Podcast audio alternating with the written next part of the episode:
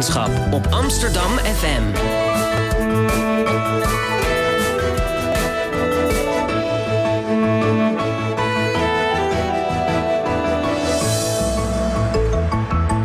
Radio Swammerdam. Hele goedemorgen en welkom bij Radio Swammerdam, het wekelijkse wetenschapsprogramma op Amsterdam FM, live vanuit de OBA. Mijn naam is Elmer Rikhoff en vandaag presenteer ik samen met Henk Rijgrok van de Werven uh, deze uitzending over de economische wetenschap in het dossier grensgevallen. Nou, Henk, welkom. Goedemorgen. Leuk dat je er weer bent. Uh, we behandelen vandaag de economische wetenschap in het dossier grensgevallen. Uh, wat denk jij, is dit terecht? Uh, of de economische wetenschap een grensgeval is?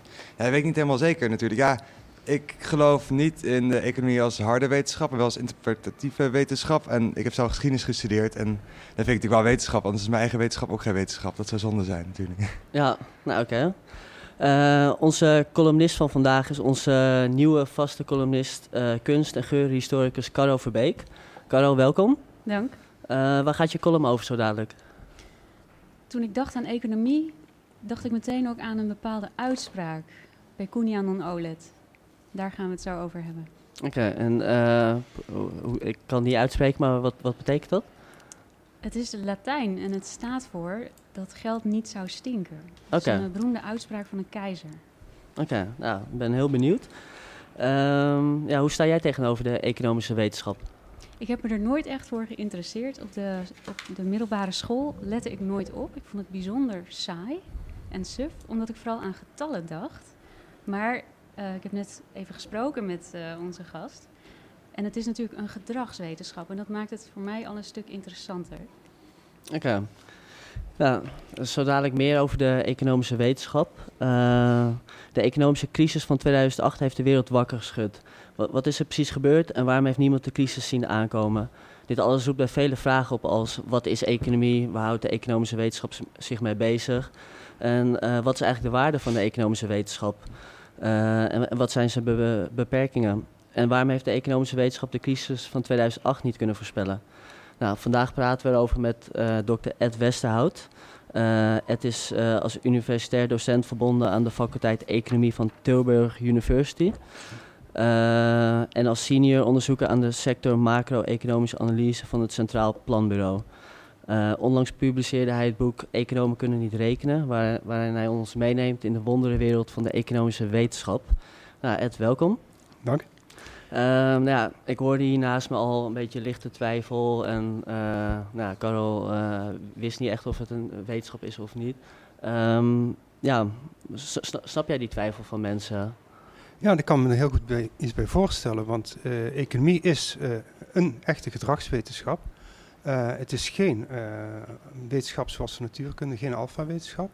Um, maar je hebt de indruk dat veel economen um, eigenlijk wel zouden willen dat het een exacte wetenschap is. Ze proberen de wetenschap zo exact mogelijk over te brengen. Dus het, het wemelt van de enorm complexe wiskundige modellen.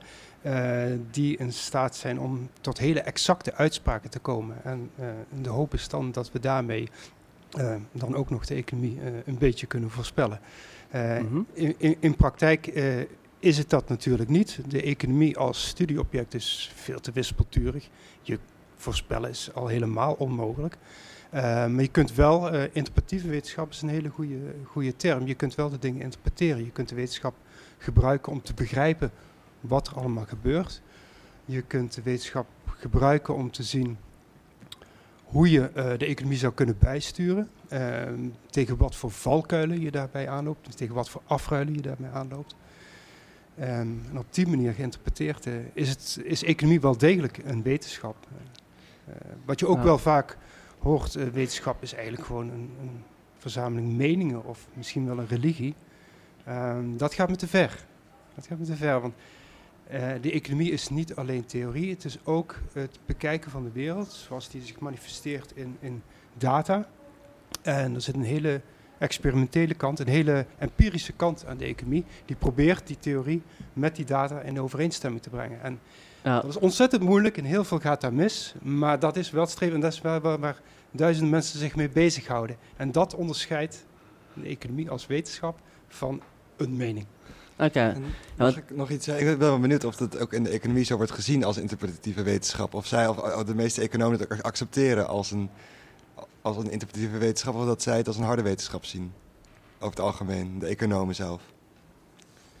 Nou, veel economen zijn, eh, zijn inderdaad eh, van mening dat je een stap verder kunt gaan. Die geloven heilig in hun modellen en wat daaruit komt. En dat is, dat is op een gegeven moment de waarheid. Eh, maar maar ja, eigenlijk moet je daarboven staan als wetenschapper. En zeggen, ja, een model is maar een manier om die werkelijkheid te duiden. En zolang het tegendeel bewezen is, kun je vasthouden aan dat model. Maar ehm, er zijn ook andere modellen. Het wemelt overigens van de modellen. Eh, en die hebben allemaal een stukje eh, waarheid. Dus wat dat betreft moet je daar een beetje boven proberen te staan als economisch wetenschapper. Ja, want je, je hebt een boek eh, geschreven, Economen kunnen niet rekenen. En dat gaat dan over de economische wetenschap. Ehm, hoe ben je op het idee gekomen om dat boek te schrijven? Heeft dat ook hiermee te maken met al die twijfel?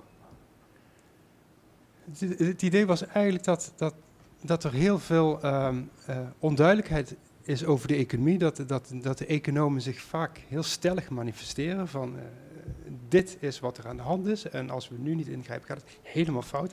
Helle verdoemenis, eh, je hoort het heel vaak. Vervolgens gaat die economie gewoon zijn gang en, en gebeurt er helemaal geen helle verdoemenis. Ehm, ik was in de natuurkunde aan het neuzen. Ik kwam boek tegen van Martijn Fransen en die en dat is maar een voorbeeld van heel veel boeken in de natuurkunde die de natuurkunde populariseren en die in gewone mensentaal uitleggen waar, economie, waar natuurkunde voor staat. En ik dacht, zo'n boek is er niet in de economie. En dat zou er moeten komen, dus ik ga dat schrijven. Dat is de aanleiding geweest. Oké. Ja, ehm, ja, wat, wat, wat, ik nog wel wil vragen is, want eh, het boek heet Economen kunnen niet rekenen. Is dat, eh, heeft een reden dat het boek zo heet? Ja, economen kunnen heel veel wel en economen kunnen heel veel niet. En ik, ik had het net al eventjes over dat voorspellen. Dat, eh, ja, het wemelt van de voorspellingen. En eh, ja, dat geeft toch ook wel het idee dat economen kunnen voorspellen. Eh, volgens mij is dat hoog gegrepen. Eh, de economie is veel te wispelturig. Er gebeuren allerlei schokken, meerdere schokken tegelijk in het mondiale economisch Mhm. systeem, die niet te voorzien zijn. En die, die met 100% maken dat de economie morgen anders zal zijn dan je vandaag hebt Eh, voorspeld. Dus economen kunnen eigenlijk helemaal niet de toekomst voorspellen. Nee, ze kunnen niet de toekomst voorspellen. Ze kunnen hem duiden en ze kunnen, ze kunnen eh, richting geven, ze kunnen interpreteren.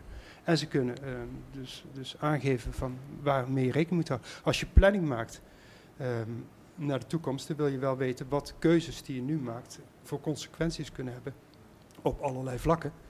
Maar dat wil niet zeggen dat de toekomst inderdaad zo zal worden zoals je op dit moment plant. Ja, dus wat je zegt, het is gewoon meer een eh, richtlijn dan, dan een eh, zekere uitkomst. Geen zekere uitkomst. Ja, want eh, ja, misschien even terug naar de economische crisis van 2008. Eh, ja, voor de meesten kwam deze als een complete verrassing. Ja, wat, wat ging er eigenlijk mis, volgens de economische wetenschap? Nou, in, in, in, wezen is het, ehm, is, het een, is het een wegvallen van vertrouwen. Vertrouwen in elkaar. En dat vond dan zijn oorsprong op de Amerikaanse hypotheekmarkt. En dat is vervolgens doorgecijpeld naar het hele economische systeem all over the world. Uh, maar het is het wegvallen van vertrouwen. Het is een psychologisch element. Want psychologie is heel erg belangrijk in de economie. Ons hele systeem is gebaseerd op vertrouwen. Is ook niet nieuw. Uh, over de wereld uh, gebeuren regelmatig financiële crisis en die starten altijd met het wegvallen van vertrouwen. En dat kan meerdere redenen hebben en dat is ook de reden dat ik zeg, die crisis die kon je niet zien aankomen. Um, vervolgens is er wel een element toe te voegen. Waarom kon zo'n kleine probleem op de Amerikaanse hypotheekmarkt uitgroeien tot een mondiaal probleem? En dat heeft te maken met de verwevenheid van de economieën. Dat heeft te maken met de enorme schuldenposities bij tal van sectoren. Mm -hmm. uh, de verwevenheid van de financiële sector in de VS, maar ook tussen verschillende landen. En de onduidelijkheid van, van financiële producten, waardoor uh, banken ineens zien van, ja, wij weten eigenlijk helemaal niet van de kredieten die we bij anderen hebben uitstaan, hoeveel die waard zijn. Wat is de kans dat we daar iets van terug gaan zien? We kunnen het eigenlijk niet inschatten. En op het moment dat je daar staat, heb je een serieus probleem. Ja, maar dan zou je eigenlijk kunnen zeggen dat je... Je had het misschien wel niet kunnen voorspellen, maar je had wel kunnen weten van... hé, hey, we zitten nu in een situatie waarvan we eigenlijk niet goed weten uh, hoe die nou in elkaar steekt. Omdat er heel veel onduidelijkheid is. Dus dan, uh, ja, dan had je wel kunnen weten dat er iets niet uh, in orde is misschien. Of, of, ja, je kunt dan zeggen, eh, stel, op een gegeven moment ziet het er nog goed uit het kan goed lopen, maar stel dat toch ineens er iets gebeurt, zoals zo'n crisis, wat is dan onze weerbaarheid? Hoe gemakkelijk kunnen we zo'n schok opvangen? Hoe groot is de kans dat dit uh, een, een, enorme doorwerking heeft in ons macro-economisch systeem. En als je dan gaat kijken naar de indicatoren die er toen waren, van, mm -hmm. van schuldposities en onderlinge verwevenheid, en het gebrek aan transparantie, dat mensen de, de producten die ze hebben uitstaan bij elkaar eigenlijk niet goed kunnen beprijzen, uh, dan weet je dat het systeem heel erg kwetsbaar is. En dat kun je van tevoren in kaart brengen. Ja, en dan, ja, en dan op basis daarvan zou je kunnen zeggen van, uh, hadden we misschien van tevoren misschien kunnen zeggen, hier uh, moeten we wat aan doen. Uh, voor het geval het eventueel het vertrouwen misschien wegvalt. En is dat iets waar... Ja, met, met, die kennis achteraf was dat zeker wenselijk geweest. En dat is nu, nu ook waar Europa nu aan werkt om, om via een verbeterd toezicht meer inzicht te krijgen in de, in, de, in de kwetsbaarheid van het hele financiële systeem. Ik had het idee dat er heel veel, tijdens de economische crisis, heel veel mensen waren die zeiden dat ze wisten wat er gebeurde en wat ze moesten doen en wat er allemaal aan de hand was. Terwijl ze eigenlijk allemaal moeten zeggen, we weten het gewoon even niet. We moeten even gaan kijken wat er nu precies aan de hand is en hoe we het moeten gaan oplossen. Zag je dat ook zo? Ik denk dat dat laatste een eerlijker antwoord is. Maar dat is een antwoord wat je niet zo vaak hoort, inderdaad. Uh, veel mensen zagen het dan inderdaad van tevoren aankomen. Of ze dat vooraf ook allemaal zeiden, dat weet ik niet. Uh, sommige mensen zeiden het ook al vooraf.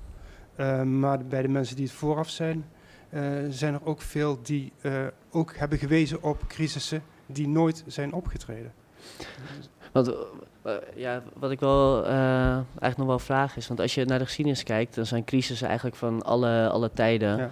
Uh, dus in die zin uh, zou je misschien wel met, met, een soort van zekerheid kunnen zeggen dat we uh, na elke crisis weer afstevenen op een nieuwe crisis. Is dat, ja, ja, ja, daar kan ik me wel bij aansluiten. Uh, dat is dan wel een pessimistische invalshoek. Je kunt ook zeggen, na elke periode van economische groei zal er weer een nieuwe periode van economische groei optreden. Uh, dat zeg ja. je hetzelfde, maar dan op een iets andere manier. iets positiever verwoord, ja. Het is toch allemaal interpretatie, ja. hè? Dat blijkt me weer. Ja.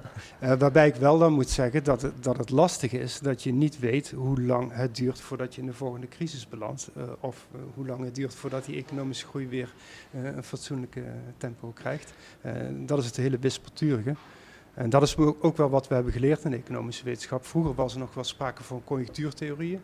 Uh, dan ging het niet zozeer over crisis, maar wel over booms in de economie en recessies in de economie. En dan waren er theorieën die zeiden van ja, zo'n zo'n conjunctuur duurt drie tot vijf jaar of acht tot tien jaar. Ik weet niet de precieze getallen. Of het Kondratiev-effect heb, heb ik ook wel zo... Kondratiev, ja, cyclus. En uh, tegenwoordig... Uh, vindt dat weinig bijval meer uh, vanwege de wispelturigheid daarvan. Uh, de ene keer duurt zo'n boom drie jaar, de andere keer duurt het zes jaar. En je weet niet van tevoren. En is het dan sinds eigenlijk de economische crisis dat die wetmatigheid binnen de economie minder populair is? Of niet? Of was dat altijd al zo dat die bestreden was? Nee, dat is al wat langer geleden. Ja. Er um, zijn in Amerika mensen aan de slag gegaan met data en die hebben gekeken van kunnen we die data ook op een andere manier interpreteren. En die kwamen er eigenlijk op uit van ja, je, je, kunt wel een mooi, uh, mooi golfpatroon in die data ontdekken, maar je kunt er ook op een andere manier tegenaan kijken. Een, concurrerende theorie is die van een random walk, een, uh, een dronkaarsbeweging. en die, uh, nou, die zegt dus eigenlijk van de kans dat we omhoog gaan, of de kans dat we omlaag gaan, 50-50 of een iets andere waarde. Maar het maakt niet uit waar we nu staan. Dus het betekent heel concreet dat als we net een crisis achter de rug hebben, dat, een, dat de kans op een volgende crisis net zo groot is als dat we al tien jaar geen crisis hebben gehad. Uh, dus er is nauwelijks richting aan te geven. Zij kwamen erop uit dat je de economie, in dat geval van de VS, voor de decennia die daaraan vooraf gingen, ik meen dat het ergens in de jaren 70 was, uh, dat je die economie beter als een dronkaarsbeweging kon karakteriseren dan als een mooie conjunctuurgolf. Maar in, je boek uh, noem je wel een aantal overeenkomsten tussen crisissen. Uh, kun, kun, je die nog even noemen, wat, welke dat zijn? Ja, dat, dat, dat, heeft ook met psychologie te maken dat je voorafgaand aan zo'n crisis toch wel een, een, een, periode van voorspoed hebt. Waarbij mensen uh, steeds meer vertrouwen krijgen in de economie, steeds meer gaan consumeren. Ondernemers die, doen dat nog wat sterker, die gaan veel meer investeren. omdat de toekomstperspectieven gewoon heel erg goed zijn. Dus het idee dat er nog een crisis kan gaan optreden, dat, dat vervaagt een beetje. Mensen worden steeds optimistischer. Uh, mensen gaan gemakkelijker leningen aan, uh, kredieten worden gemakkelijker verstrekt. Eigenlijk is het een, een, soort van vertrouwen en optimisme dat zich over de hele economie uitspreidt. En ook toezichthouders hebben er dan weer moeite mee om zich daaraan te onttrekken.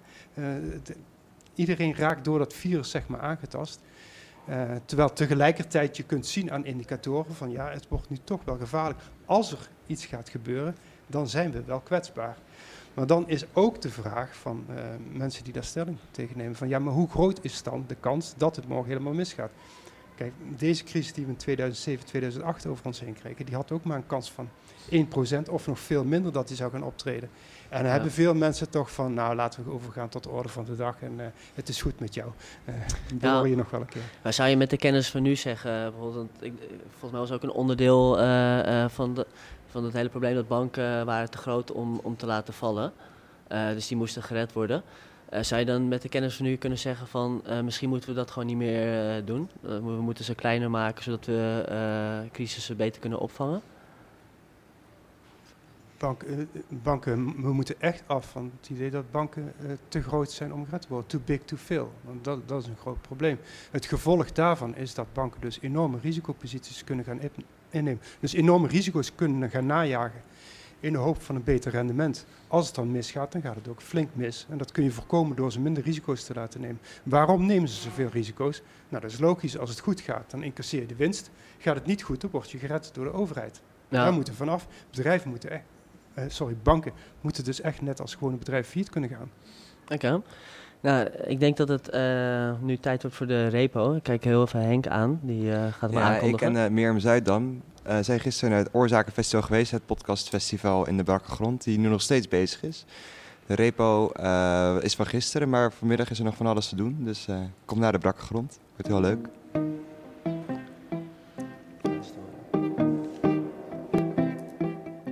Nee, ik, ik heb er helemaal niks mee met dingen doen omdat ze leuk zijn. Ik wil gewoon geld verdienen daarmee. Er is echt geen geld. Dus, um... Ik heb hier heel veel werk verzet voor niks, voor gratis. Dus het lijkt allemaal heel romantisch, maar dat is het echt, echt niet. dat kan ik je vertellen, ja.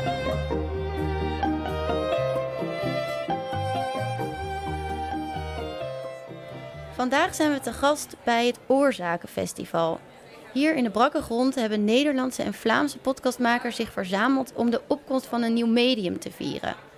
In de verschillende zalen hier gonst het van creativiteit. Aan enthousiasme en aandacht voor het medium is hier geen gebrek, maar er hangt hier wel een grote vraag in de lucht. Hoe verdien je eigenlijk geld met een podcast? Vandaag gaan we in gesprek met een aantal podcastmakers om antwoord te geven op deze vraag. Een van hen is Catharina Smets, een ervaren radiomaakster en organisator van dit festival. Ik heb jarenlang voor een omroep gewerkt, dus voor de Vlaamse radio. Op een gegeven moment heb ik besloten om zelfstandige te worden. Dus eigenlijk een andere naam voor een ZZP'er. Um, is niet evident als radiomaker, kan ik je wel vertellen. Omdat wij niet echt een cultuur hebben, toch niet in Vlaanderen, om te betalen voor artistieke radio. Ik heb eigenlijk een beslissing genomen in mijn eigen nadeel. Ik heb uh, besloten van nee, ik wil meer creatieve radio maken. Oké, dat betekent dat ook dat ik niet meer uh, in dienst kan zijn. Want ik ga op een redactie werken, ik wil niet op een redactie werken, ik wil zelf dingen maken. En ik kan u vertellen, dat is geen financiële meevaller. Zelfstandige radiomakers als Catharina zijn er meer. Zo ook Botte Jellema, die op het festival een lezing geeft over de financiële mogelijkheden van de podcast. En die naast zijn baan bij Radio 1 onlangs zelf een podcast startte. De Eeuw van de Amateur. We vragen hem of hij zelf over geld heeft nagedacht voor hij zelfstandig de radiowereld introk.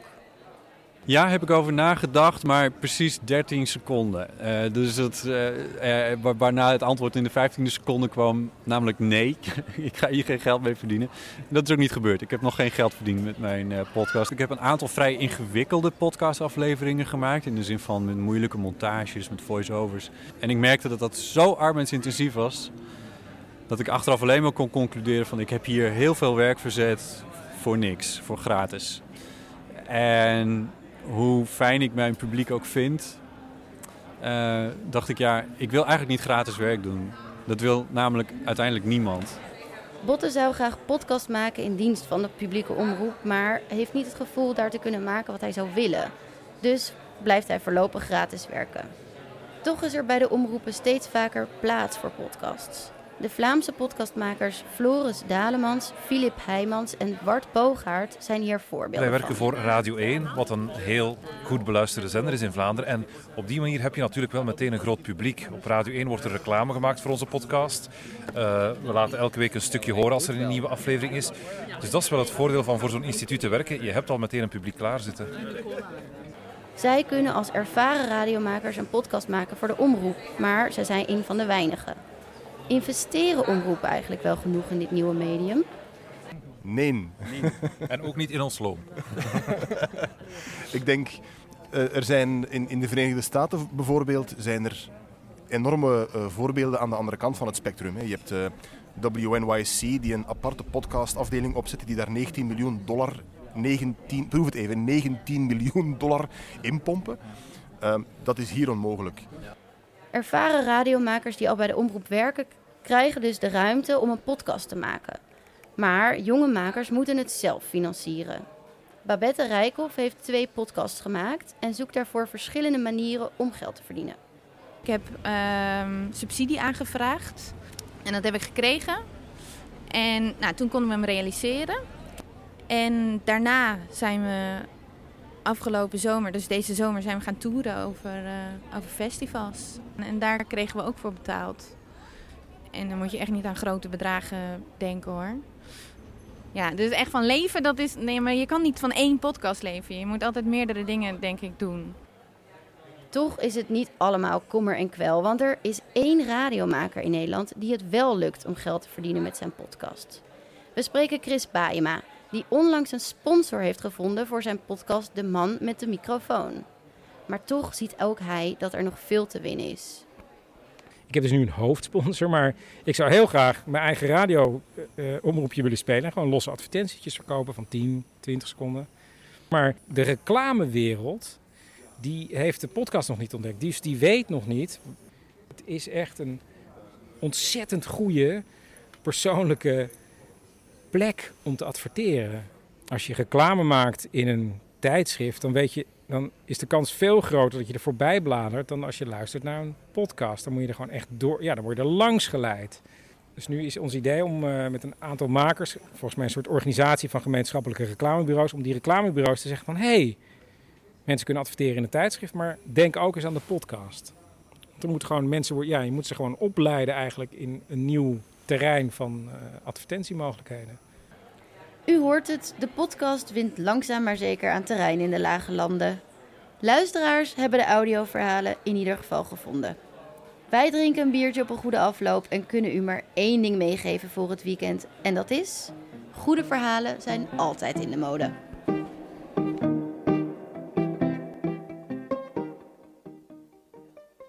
Radio Swammerdam. U luistert naar een uh, repo van Henk en Mirjam over podcast, geld verdienen en oorzaken.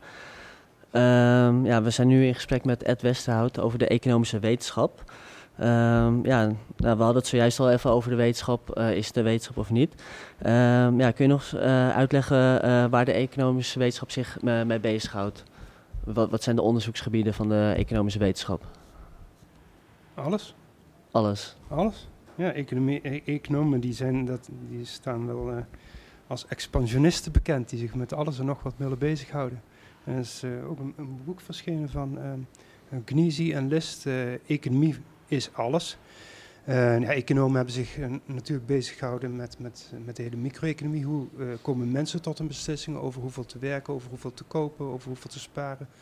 Bedrijven die investeren. Hoe komen overheden en centrale banken, vangbonden tot een bepaald beleid? Um, maar, maar ook drugshandel, um, keuze van kindertaal, uh, economie van oorlog. Economie houden. Economen houden zich met alles en nog wat bezig. Omdat het eigenlijk een gedragswetenschap is. Um, de stelling is van mensen nemen op allerlei terreinen, maken ze keuzes. soms onbewust, soms impliciet, maar ze maken steeds keuzes. Ze proberen zoveel mogelijk te bereiken. Um, en ze worden steeds beperkt door de hoeveelheid tijd die ze hebben en vooral door de hoeveelheid middelen die ter beschikking staat. Nou, dat is een heel algemeen model uh, dat je op uh, tal van aspecten van gedrag kunt loslaten. Um, en ja, is pas wel een beetje bescheiden als, bescheidenheid als economen, dat er natuurlijk bij heel veel verschillende beslissingen heel veel factoren een rol kunnen spelen die niet allemaal als economisch bekend staan. Want economie wordt wel vaak gezien als, als geld, als financieel. Um, economen houden zich ook heel veel met klimaat bezig. eh, met publieke goederen, met zaken als defensie, als veiligheid, ehm Maar je- onzekerheid. Dus in die zin is economie veel breder dan geld alleen. Maar dat is natuurlijk wel vaak waar economie mee geassocieerd wordt. Want eh, je, je noemde al even, het houdt, houdt zich met veel meer dingen bezig, maar eh, want je noemde heel even klimaat. Op wat voor manier houdt, houden economen zich met klimaat bezig dan? Hoe- Eh, hoe- nou, niet met de ontwikkeling van het klimaat als zodanig, dat laten we graag over aan de klimaatwetenschappers, maar wel eh, over hoe we ehm, klimaatverandering kunnen tegengaan, eh, wat voor beleid daarvoor wenselijk is. Moeten we regels over bedrijven en consumenten uitstorten of moeten we ons bezighouden met, met prikkels, met corrigerende belastingen, zoals dat heet.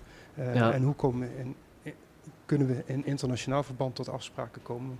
Ja, klimaat is natuurlijk bij uitstek een een, een mondiaal eh, fenomeen. En dan eh, heeft het niet zoveel zin om als eh, land, zeker als klein land, van alles te gaan ontwikkelen als je weet dat je daarmee de problemen exporteert naar andere landen. Oké. Ehm, je, je, jij zegt in je boek ook wel dat ehm, eh, de economie, economische wetenschap het dichtste bij de natuurkunde staat. Ja, qua verschijningsvorm. Eh, de, economie wemelt van, van die wiskundige modellen, dus eh, wiskundige constructies. En die worden gebruikt om eh, van alles en nog wat uit te rekenen. En dat is ook wel de verschijningsvorm van de natuurkunde. Dat is ook een, een brokje wiskunde. En we hadden het er net al over dat veel economen de economie toch als een ja, min of meer exacte wetenschap nastreven. Ook wel een beetje jaloers naar de natuurkunde kijken. Mhm. Om te proberen dat te bereiken. Eh, maar dat is het natuurlijk niet. Eh, het is een gedragswetenschap en die modellen zijn niet meer dan een middel om, om zaken in kaart te brengen. Die modellen die belichten een deel, een hopelijk belangrijk deel van de werkelijkheid. Maar er zit altijd heel veel omheen. Ehm, dus het lijkt, het, het, het lijkt wel wat op wetenschap qua verschijningsvorm. Qua studieobject natuurlijk absoluut niet. Ehm, je ziet het ook wel terug in de, in, in de wetten die worden opgesteld. Ehm, ik moet wel zeggen dat er in de economie niet heel veel wetten zijn, maar er zijn wel wetten. Z- Eh, Zijn er die- eigenlijk zekerheden in de economische wetenschap? ja, je hebt, je hebt Oakens Law bijvoorbeeld. Eh, die geeft een verband tussen de ontwikkeling van de eh, economische groei en de ontwikkeling van de werkloosheid. En dat is gebaseerd op het gegeven dat als de economie aantrekt, dus veel economische groei, vragen bedrijven veel mensen. Eh, dus de werkloosheid loopt wat terug. En die Oakens Law die geeft dan heel precies kwantitatief verband. Bij zoveel procentpunt economische groei krijg je zoveel reductie in werkloosheid. Eh, nou, als je kijkt naar de data, dan zie je inderdaad die regelmatigheid optreden. Dus je Mhm. ziet in verschillende tijdsperioden dat verband tussen economische groei en werkloosheid. En als de economische groei aantrekt, minder werkloosheid. Als de economie terugloopt, meer werkloosheid. Je ziet in verschillende tijdsperioden, je ziet het in verschillende landen, eh, all over the world. Dus in die zin kun je spreken van een wet. Ga je dat vervolgens ehm, econometrisch precies dat getalletje invullen, wat het verband geeft tussen groei en werkloosheid, dan blijkt het iedere keer weer anders te zijn. Eh, het verschil tussen verschillende tijdsperioden, het verschil tussen landen. En moet je de toekomst voorspellen, dan moet je dus ook bescheiden zijn en zeggen: ja, we weten dat er een verband bestaat, maar hoe dat precies gaat lopen, ja, dat weten we ook niet. In die zin zeg ik, kun je beter spreken over een wetmatigheid dan over een wet. Ja, dus, dus ja, gewoon eh, geen, geen eh, harde, harde natuurkundige wetten, maar ja, wet, wetmatigheden en verbanden. Ehm, Ik had vroeger op de middelbare school ook altijd dat ik... Ik, vond, ik heb ook economie gehad tot aan de zesde. En ik vond het altijd een soort... Het verschil tussen de wiskunde-economie en de, ja, gewoon, gewoon, gewoon de teksteconomie. En die teksteconomie was ik heel goed in. Daar had ik wel goede cijfers. En die wiskunde-economie, dat vond ik altijd ook zo losgezongen van de realiteit of zo. Daar snapte ik ook eerlijk gezegd helemaal niks van. En vond ik ook... Het, voor mij sloeg het ook niet echt ergens op. Want dan leer je inderdaad die wetmatigheden. Je zou ook binnen de economie een soort verschil tussen de mensen die zich meer op de teksteconomie richten... en de mensen die zich meer op de wiskunde-economie richten. Ja, zeker is dat onderscheid er. En het, eh, nou ja, het- ik vind het wel grappig eh, om het op die manier te duiden. Want die teksten die grijpen natuurlijk heel veel aan bij de belevingswereld van de, van de mensen, van de studenten. Dus dat ik kan me goed voorstellen dat je zegt, ja, daarin, daardoor word ik meegenomen. Dat kan ik ook loslaten op de problemen die ik om me heen zie. Eh, en dat wiskundige, dat is, dat is veel strakker. En dan, dan wordt eigenlijk gefocust op één bepaald element. En een redundancy verhaal zit erachter. Dus alles dat al datgene wat we op dit moment wat minder belangrijk achten, dat gooi je overboord. Dus dat vindt geen eh, plaats in dat model. En dat model dat belicht echt maar één facet van de werkelijkheid. Eh, en, en, en de kunst is nu om die wiskunde en die tekst op elkaar te laten aangrijpen. Om, om, om hetzelfde verhaal te vertellen in tekst en in wiskunde. Maar dat is in ieder geval in dit voorbeeld niet helemaal gelukt.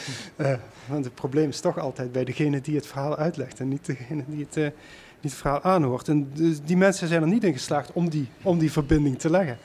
Uh, maar dat is wel de bedoeling. Um, want uiteindelijk gaat het over hetzelfde studieobject.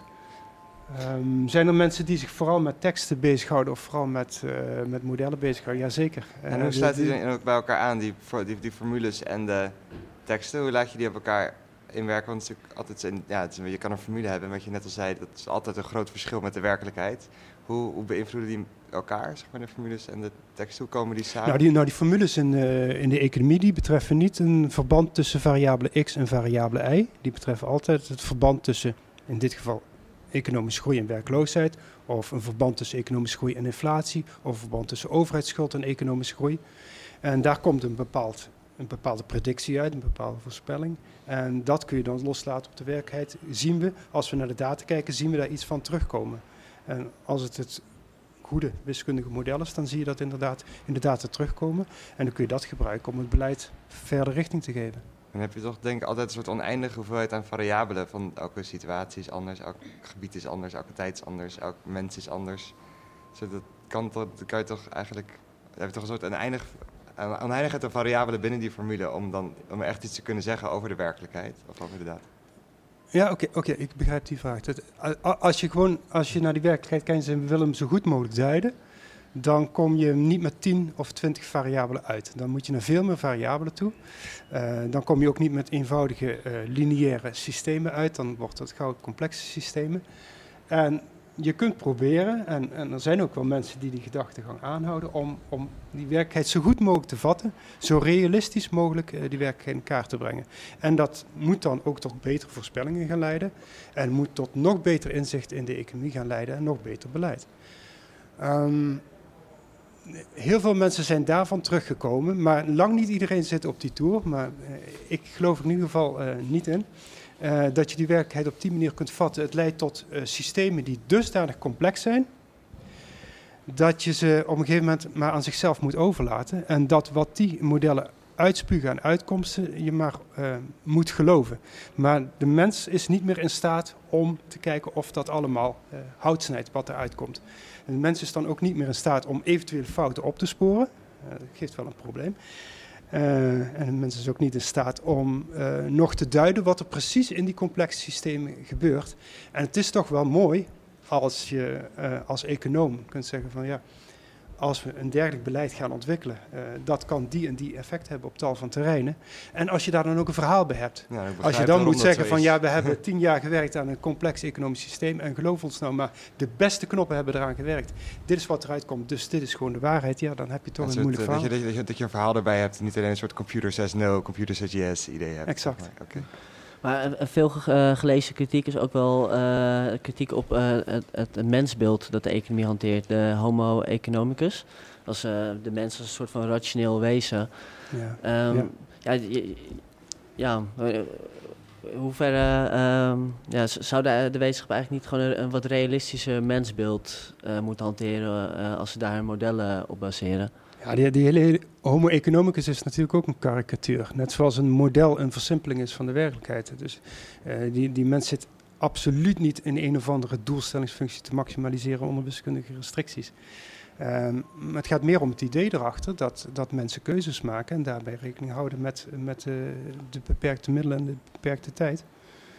Um, en, en daarmee vangt het een bepaald aspect van de werkelijkheid. Um, die zich wel bewezen heeft op tal van terreinen. Um, maar de werkelijkheid is natuurlijk breder. Je ziet dat uh, een terrein als behavioral economics enorm in opkomst is. Um, internationaal gezien. En dat benadrukt dat mensen toch wel heel veel problemen hebben met het maken van keuzes. Er is sprake van keuzestress. Dus als je in de supermarkt moet kiezen tussen twee soorten jam, uh, dat lukt het nog wel. Heb je 24 verschillende soorten jam, dan weten mensen het gewoon niet meer. En dan alsjeblieft, dan vragen ze misschien aan degene die naast hem staat, maak jij dan maar een keuze. Of ze vallen op, terug op de keuzes die ze de afgelopen jaren ook steeds hebben gemaakt. Um, en dat zijn hele belangrijke vraagstukken, bijvoorbeeld als het gaat om uh, inrichting van de zorgverzekering of de pensioenen. Um, Er zijn enorm veel testen gedaan die laten zien dat uh, mensen dus niet uh, op die terreinen als een homo economicus werken. Uh, dus het, we moeten echt naar een breder keuzemodel toe wat dat betreft. Maar dat wil niet zeggen dat het hele idee van homo economicus overboord moet worden gezet. Amerikaanse econoom Cochrane die zei op een gegeven moment, ja maar als tomaten duurder worden, gaan we toch echt minder tomaten kopen. En dat is eigenlijk wel de kern van het hele idee. Mensen laten zich in hun economisch gedrag leiden door eigen belang en prikkels spelen daarbij een hele belangrijke rol. Dat is vervat in dat idee van homo economicus en dat blijft staan. Ja, maar het, uh, uh, ja, je, je zegt al dat in die behavioral uh, economics wordt dat beeld al wel een beetje aangetast van homo economicus. is dat ook al opgenomen in de economische wetenschap? Of staat dat nog in de kinderschoenen? Dat staat nog wat in de kinderschoenen. Die behavioral economics die is, dat is een, een, een apart onderzoeksterrein, nog voor een belangrijk deel. En um, heeft heel veel resultaten opgeleverd. Maar het is toch heel erg veel op deelgebieden. En de integratie met, met uh, grote wetenschap, dat, dat, dat moet eigenlijk nog gaan gebeuren. Dat, uh, er worden nu pogingen gedaan, maar dat staat inderdaad nog een beetje in de kinderschoen. Oké. En um, ja, een ander ding uh, waar ik nog wel even over wil hebben is dat je, je zegt in je boek ook dat uh, de economische wetenschap is niet in staat tot het doen van experimenten. Ja, dat klopt wel. Kijk, in, wel interessant. Als, als natuurkunde, we hadden het net over de vergelijking met de natuurkunde. Een natuurkundige die kan een mooie laboratoriumopstelling maken. En die kan, kan die werkelijkheid precies zo inrichten zoals hij wil. Die kan om een bepaald element eruit laten, kan hij allerlei ruis eruit filteren. Dus allerlei andere elementen die, die tot een vertroebeling van resultaten kunnen gaan leiden, die kan die uitsluiten. Die krijgen geen plaats in die laboratoriumopstelling. En de economie kan dat niet. De econoom kan dat niet. Die, kijk, als econoom zou je... Uh, waarom kan de econoom dat niet? Omdat er te, te veel factoren uh, aanwezig zijn. Die, die je niet... Nou, als we bijvoorbeeld het effect van een inkomensvooruitgang uh, zouden willen uh, laten zien, dan zouden we kunnen zeggen, nou, we gaan een experiment aan. Uh, morgen krijgt de helft van Nederland er 2000 euro bij, zomaar. de andere helft niet. we bepalen wie, we laten een loterij bepalen wie wel, wie niet. en degene die niet krijgen, ja, die hebben gewoon pech. En ik denk dat dat het niet gaat worden. Ik denk dat veel mensen in opstand zouden komen dat dat niet democratisch is of niet eerlijk of wat dan ook. Uh, dus dat experiment dat gaan we niet zien. Um, en ja, ik denk dat het voorbeeld ja. duidelijk genoeg is. Uh, dus ja, wat de econoom dan uh, precies doet, nou, die zegt, nou laten we dan maar de werkelijkheid als experiment zien. Maar dan lopen er allerlei elementen door elkaar. Dan heb je allerlei ruis. En die ruis moet je op een of andere manier zien uit te filteren. Maar in die zin zou je wel uh, misschien de economische geschiedenis heel erg belangrijk kunnen maken. Dat je kan terugkijken naar, naar een periode van, daar hebben we dat beleid gevoerd. En dan kun je achteraf terugkijken van wat de effecten zijn geweest daarvan. Ja, dat, dat, is wat ik zeg. Je kunt kijken naar de economie als werkelijkheid. Maar toen zetten we dat beleid in op het terrein van de arbeidsmarkt. Maar um, vervolgens moet je eigenlijk constateren, ja, maar toen, op dat moment hadden we wel hele hoge tekorten, hele hoge overheidsschuld. Uh, op dat moment uh, hadden we een lage participatie van de vrouw. Uh, op dat moment zat het tegen qua economie. Dus er lopen altijd verschillende factoren door elkaar heen. Er zijn enkele uitzonderingen op deze regelen. We hebben een paar natuurlijke experimenten, zoals ja. de splitsing van Korea in Zuid-Korea en Noord-Korea. En daar kun je heel veel factoren uitsluiten, want het was gewoon één land met dezelfde mensen, met dezelfde cultuur, dezelfde religie. En ineens krijg je een splitsing tussen die twee. En dan zie je dat die landen zich compleet verschillend ontwikkelen. En je kunt het niet bewijzen, exact bewijzen is niet mogelijk, maar het is toch wel heel erg aannemelijk dat het verschil in regime verantwoordelijk is geweest voor verschillende uitkomsten.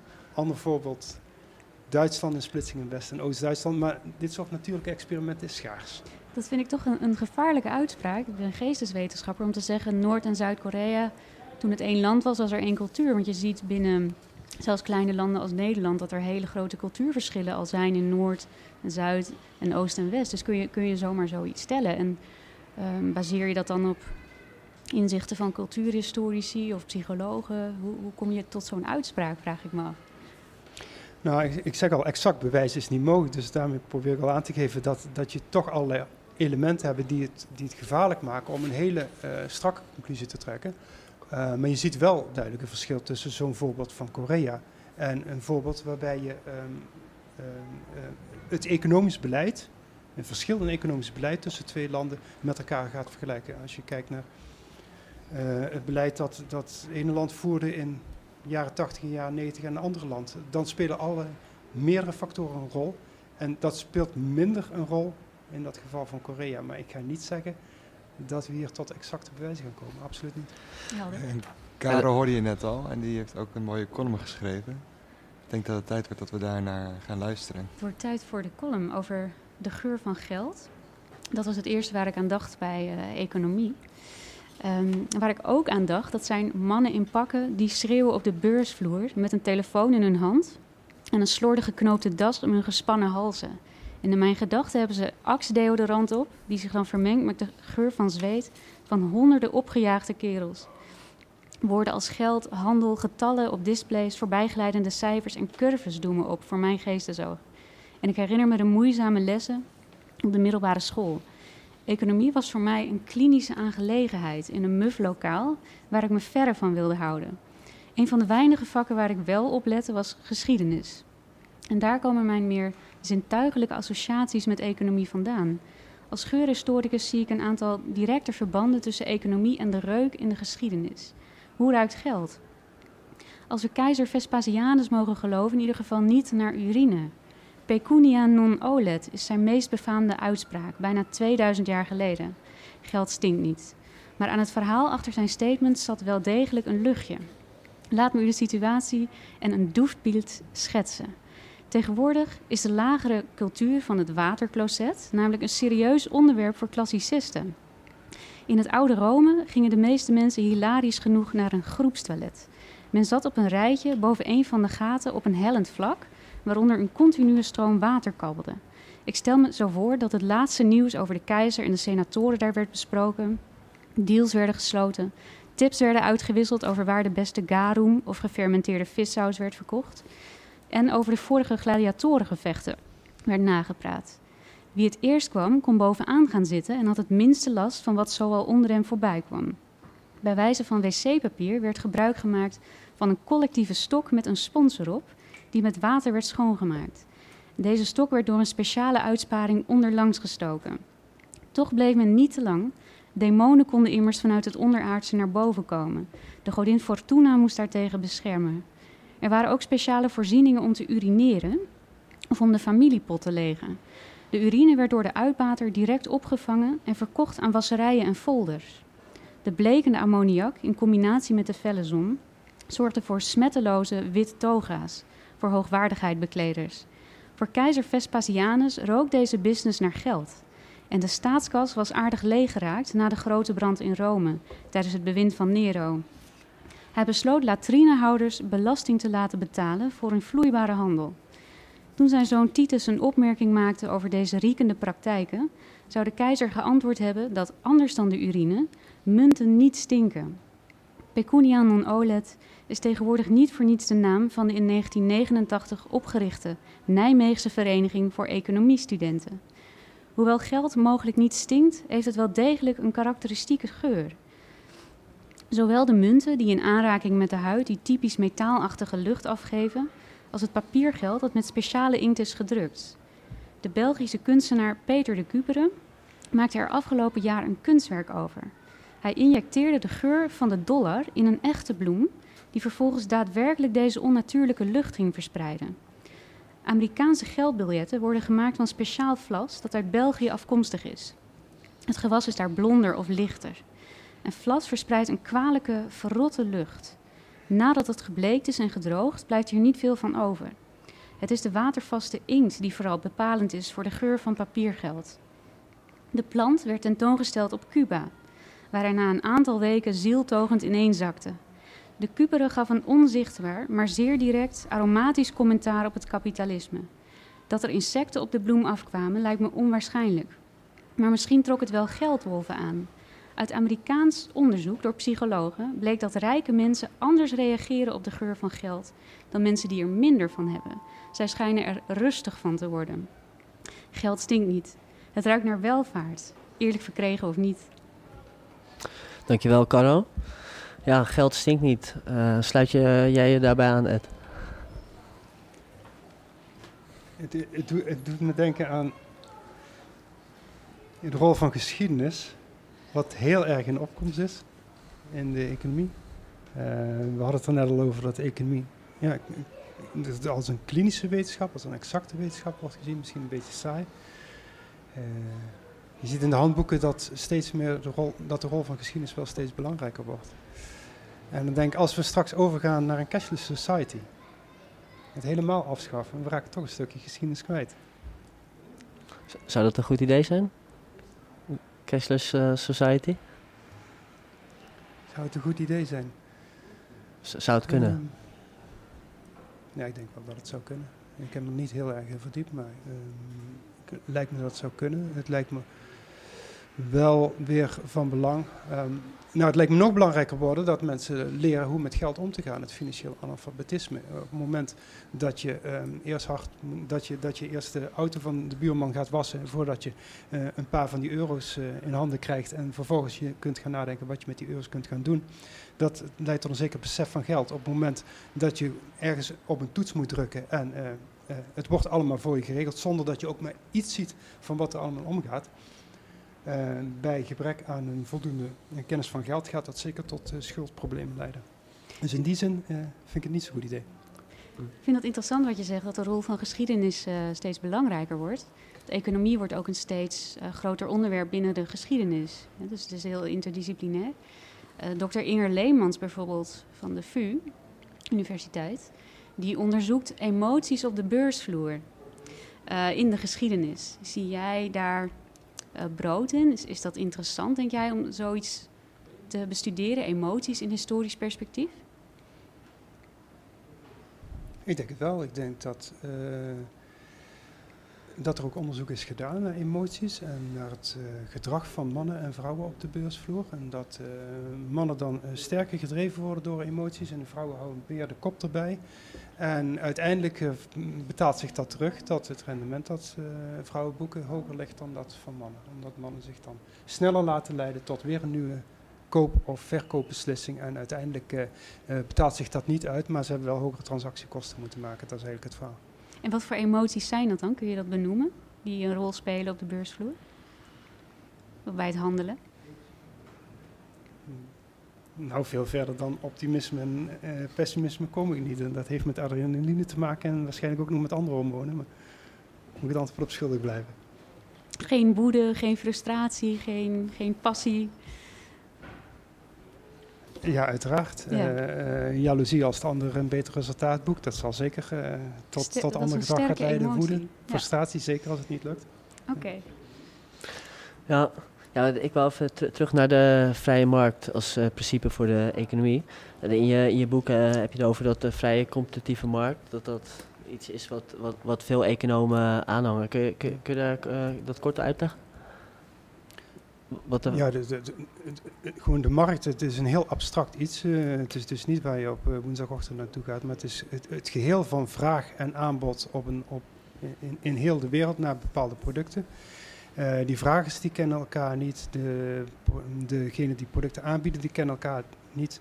Toch komt het allemaal bij elkaar, vindt er een soort van prijsvorming plaats en die prijs die leidt, ertoe dat mensen uh, gelukkig zijn met, met de vraag die ze gerealiseerd hebben gekregen.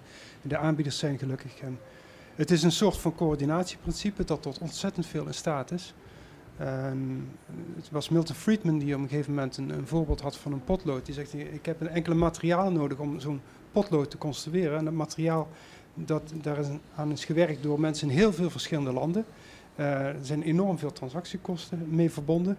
Uh, maar ook coördinatie. Die mensen die kennen elkaar helemaal niet. Die spreken niet elkaar taal. Die hangen verschillende religies aan. Die weten niet van elkaars bestaan. En toch kan ik voor een paar cent kan ik zo'n potlood kopen. Nou, er is geen communistisch regime in de wereld in staat om zoiets tot stand te brengen. En dan heb ik het alleen nog maar over een potlood. Dus de, de kracht van de markt is echt fenomenaal. Het, idee is ook volgens mij van Milton Friedman dat je het beste alles kan overlaten aan de markt. Dus ook uh, uh, publieke dingen, zoals scholing en zorg. En, uh, is dat iets waar de economische wetenschap zich bij aansluit? Nee, Milton Friedman ging wel heel ver als, als liberaal of libertair econoom. Uh, dan, dan gaat een stukje ideologie, ideologie ook wel een rol spelen. Uh, de economisch wetenschapper zegt uh, de kracht van de markt is heel erg groot. Tegelijkertijd faalt die markt op heel veel terreinen. En dan heb je heel erg een overheid nodig om dat te corrigeren. Dat is meer een, een het, het, het, wordt daarmee een beetje abstract, maar je zegt toch van alles aan de markt alleen overlaten is niet zo slim. Alles aan de overheid alleen overlaten ook niet zo slim. Je moet echt naar een mix tussen die twee. En is dat wat jij vindt of wat de meeste mensen vinden binnen de economie? Nee, ik denk dat, dat, dat het beide is. Dat het beide is. Ik denk dat de meeste economen die lijn aanhangen. Uh, je ziet wel verschillen natuurlijk waar ze dan precies gaan zitten. Hoe groot moet de rol van de overheid dan precies zijn? Hoe groot moet de rol van de markt? En dat onderscheidt wel links en rechts. Dat onderscheidt wel verschillende ideologieën van elkaar. Je, je leest wel uh, over, uh, als je het dan over de vrije markt ideologie hebt van dat overheden alleen moeten ingrijpen als de concurrentie in, gevaar is. Dus in het geval van monopolies. Maar ik ben daarover gaan nadenken. Hoe zit het met, met uh, racisme, seksisme of dat soort dingen? Zouden we daar ook bij, moeten ingrijpen als het gaat om de concurrentiepositie van de gewone mens? Ja, dat, dat voorbeeld van, van concurrentie, dat, uh, dat correspondeert met die minimal state. Dus dat is wel een hele belangrijk. Dat is eigenlijk, dat is eigenlijk wel gedeeld door, door allerlei ideologieën. Dat, uh, om, om die vrije markt te bereiken heb je wel voldoende competitie nodig. Dus daar waar uh, machtspolitiek gaat ontstaan in de vorm van monopolies, moet je dat als overheid tegengaan. Dus dat, dat geldt sowieso. Um, maar daarnaast zijn er andere redenen voor de overheid dat, dat ze ingrijpen. Want ik, ik, ik noemde het uh, al van eigen belang. Dat het gedrag van uh, mensen wordt gedreven door eigen belang. En dat er onvoldoende aandacht bestaat voor effecten die het eigen gedrag kan hebben op uitkomsten voor anderen. al helemaal als het gaat om mensen die ze helemaal niet kennen.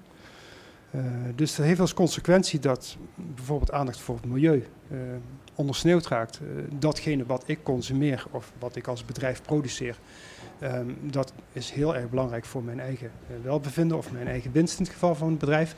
De consequentie voor het milieu is maar beperkt, hè, gezien op mondiale schaal.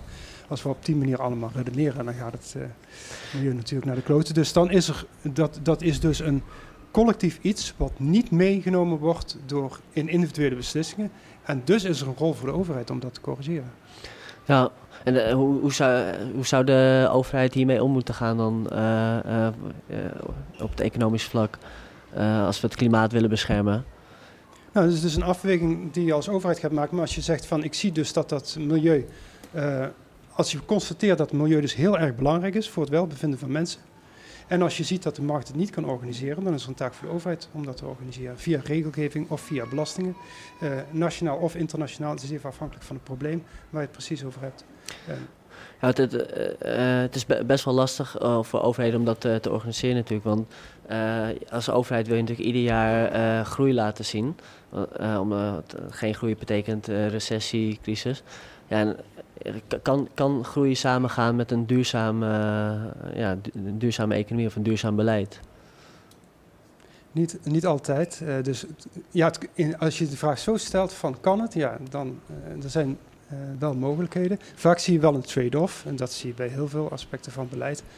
Uh, dat als je meer voor het een gaat, dat je dan offer moet brengen in termen van een an ander object. En dan kunnen verschillende ideologieën zich weer onderscheiden van elkaar. Um, als ik denk aan klimaatverandering en als ik denk aan de, uh, de, de omwenteling die we moeten maken van fossiele brandstoffen naar grondstoffen die er in overvloed zijn, naar, wind en wind, zon wind- en zonne-energie, dan denk ik, daar is nog heel veel technologie voor nodig. Daar zijn heel veel investeringen voor nodig. en dat kan ook enorme groei-implicaties hebben. Dus ik zou niet gaan stellen dat er een onomstotelijk negatief verband is tussen die twee. Absoluut niet. Nee. En over economische groei gesproken, wat ik vroeg me af, zijn er ook economen die ervan uitgaan dat economische groei niet per se nodig is om door te gaan met onze samenleving zoals die nu is? ik vind dat ik, wat iedereen gaat uit van economische groei is heel belangrijk. Dat gaat dat over, over de economische groei, van zoveel procentpunten, et cetera. Zou ik economen zeggen, het is allemaal, die dat gewoon naast zich leggen, dat economische groei idee. Zeggen, ja, het is allemaal gedoe. Het ja, kan anders. Er, zijn, er zijn genoeg mensen die zeggen van voor ons hoeft het allemaal niet. Laten we maar een tandje minder. Dus maar ook economen die dat zeggen. Nou, de, de, de economen, de, de, als je het hebt over de economische wetenschappers, die zeggen van uh, economie is een wetenschap die, die ons leert hoe we verschillende dingen met elkaar in verband moeten brengen. Dus als wij economische groei willen organiseren, uh, wat voor instrumenten moeten we daarvoor inzetten? Maar waar we naartoe willen streven, dat is eigenlijk de voorkeur van mensen, daar bemoeien we ons eigenlijk niet mee. Dus het komt gewoon tot ons dat mensen blijkbaar verslaafd zijn aan economische groei. Nou, dan gaan we nadenken over hoe we dat kunnen organiseren. Maar als ons een andere vraag bereikt, van we willen eigenlijk helemaal geen groei meer, maar we willen nu alles op het milieu zetten, nou, dan gaan we ons daarop richten. Maar, maar, toch als je kijkt naar bijvoorbeeld het BBP is best wel een belangrijk uh, cijfer. Ja. Of we wel of niet in de recessie komen. Maar die neemt eigenlijk alleen maar de aspecten van de economie mee die in uh, geld zijn uit te drukken. Maar niet, niet uh, zoiets als klimaat, wat eigenlijk ook welvaart produceert. Zouden we dat BBP niet anders moeten vormgeven misschien? Nou, BBP niet zozeer, maar kijk, BBP is geen welvaart. Dus als je zegt ik wil nu een indicator voor de welvaart hebben, dan moet je daaraan gaan werken. En dan zal BBP daar wel een rol gaan spelen. Maar dan gaan andere elementen daar ook een rol spelen. Uh, zaken als vrijheid, stabiliteit, um, milieu, klimaat. Ik kan me voorstellen dat dat allemaal een rol gaat spelen. Um, er is er wordt in dat verband ook wel gewerkt aan welvaartsindicatoren. De uh, OECD heeft uh, aan, uh, in internationaal vlak gewerkt aan een live index. En daar spelen wel iets van twintig aspecten een verschillende rol, met allerlei gewichten. Um, er is in Nederland ook gewerkt aan een groen BBP. Dus die corrigeert het BBP voor achteruitgang van het milieu. Um, in Bhutan schijnt ook een soort van index te zijn. die Bruto nationaal geluk bruto nationaal geluk, ja. Dus dat is ook niet alleen maar BBP. Ja. Um, maar het, het, mens, mens, mensen uh, hechten aan het begrip BBP. Misschien ook omdat de gewichten die mensen toekennen aan andere zaken dan BBP van mens tot mens kunnen verschillen. Ik moet, helaas, uh, ik moet je helaas afbreken, want ik hoor de eindtune al. Dus uh, ja, je komt eigenlijk altijd tijd tekort tijdens zo'n uitzending. Uh, nou ja, we zijn weer aan het einde gekomen van deze aflevering van Radio Swammerdam over de economische wetenschap. Uh, ik hoop dat u thuis een stuk wijzer bent geworden en een beter beeld hebt gekregen van de economische wetenschap. Ik in ieder geval wel. Uh, ik dank hierbij mijn collega Henk en uiteraard de gasten Ed Westerhout en Caro Verbeek. Graag gedaan. achter de knoppen stond vandaag een vrouwtje. jij ook bedankt. Ehm, vond dit interessant en wilt u meer weten over de economische wetenschap? Lees dan het boek van Ed Westerhout, Economen kunnen niet rekenen. Uh, volgende week zullen Misha en Marie-Beth in gesprek gaan met David de Mee over het placebo-effect. Het belooft een interessante uitzending te worden. Uh, wilt u verder op de hoogte blijven van het laatste nieuws? Volg ons dan op Twitter, Facebook, uh, Radio Swammerdam. fragmenten van de uitzending kunt u later vandaag terugluisteren op de website van Amsterdam FM. En de gehele uitzending is terug te beluisteren op podcast, Soundcloud, Stitcher. zoek je dan op Radio Swammerdam. Mijn naam is Elmer Rikkel. Graag tot volgende week.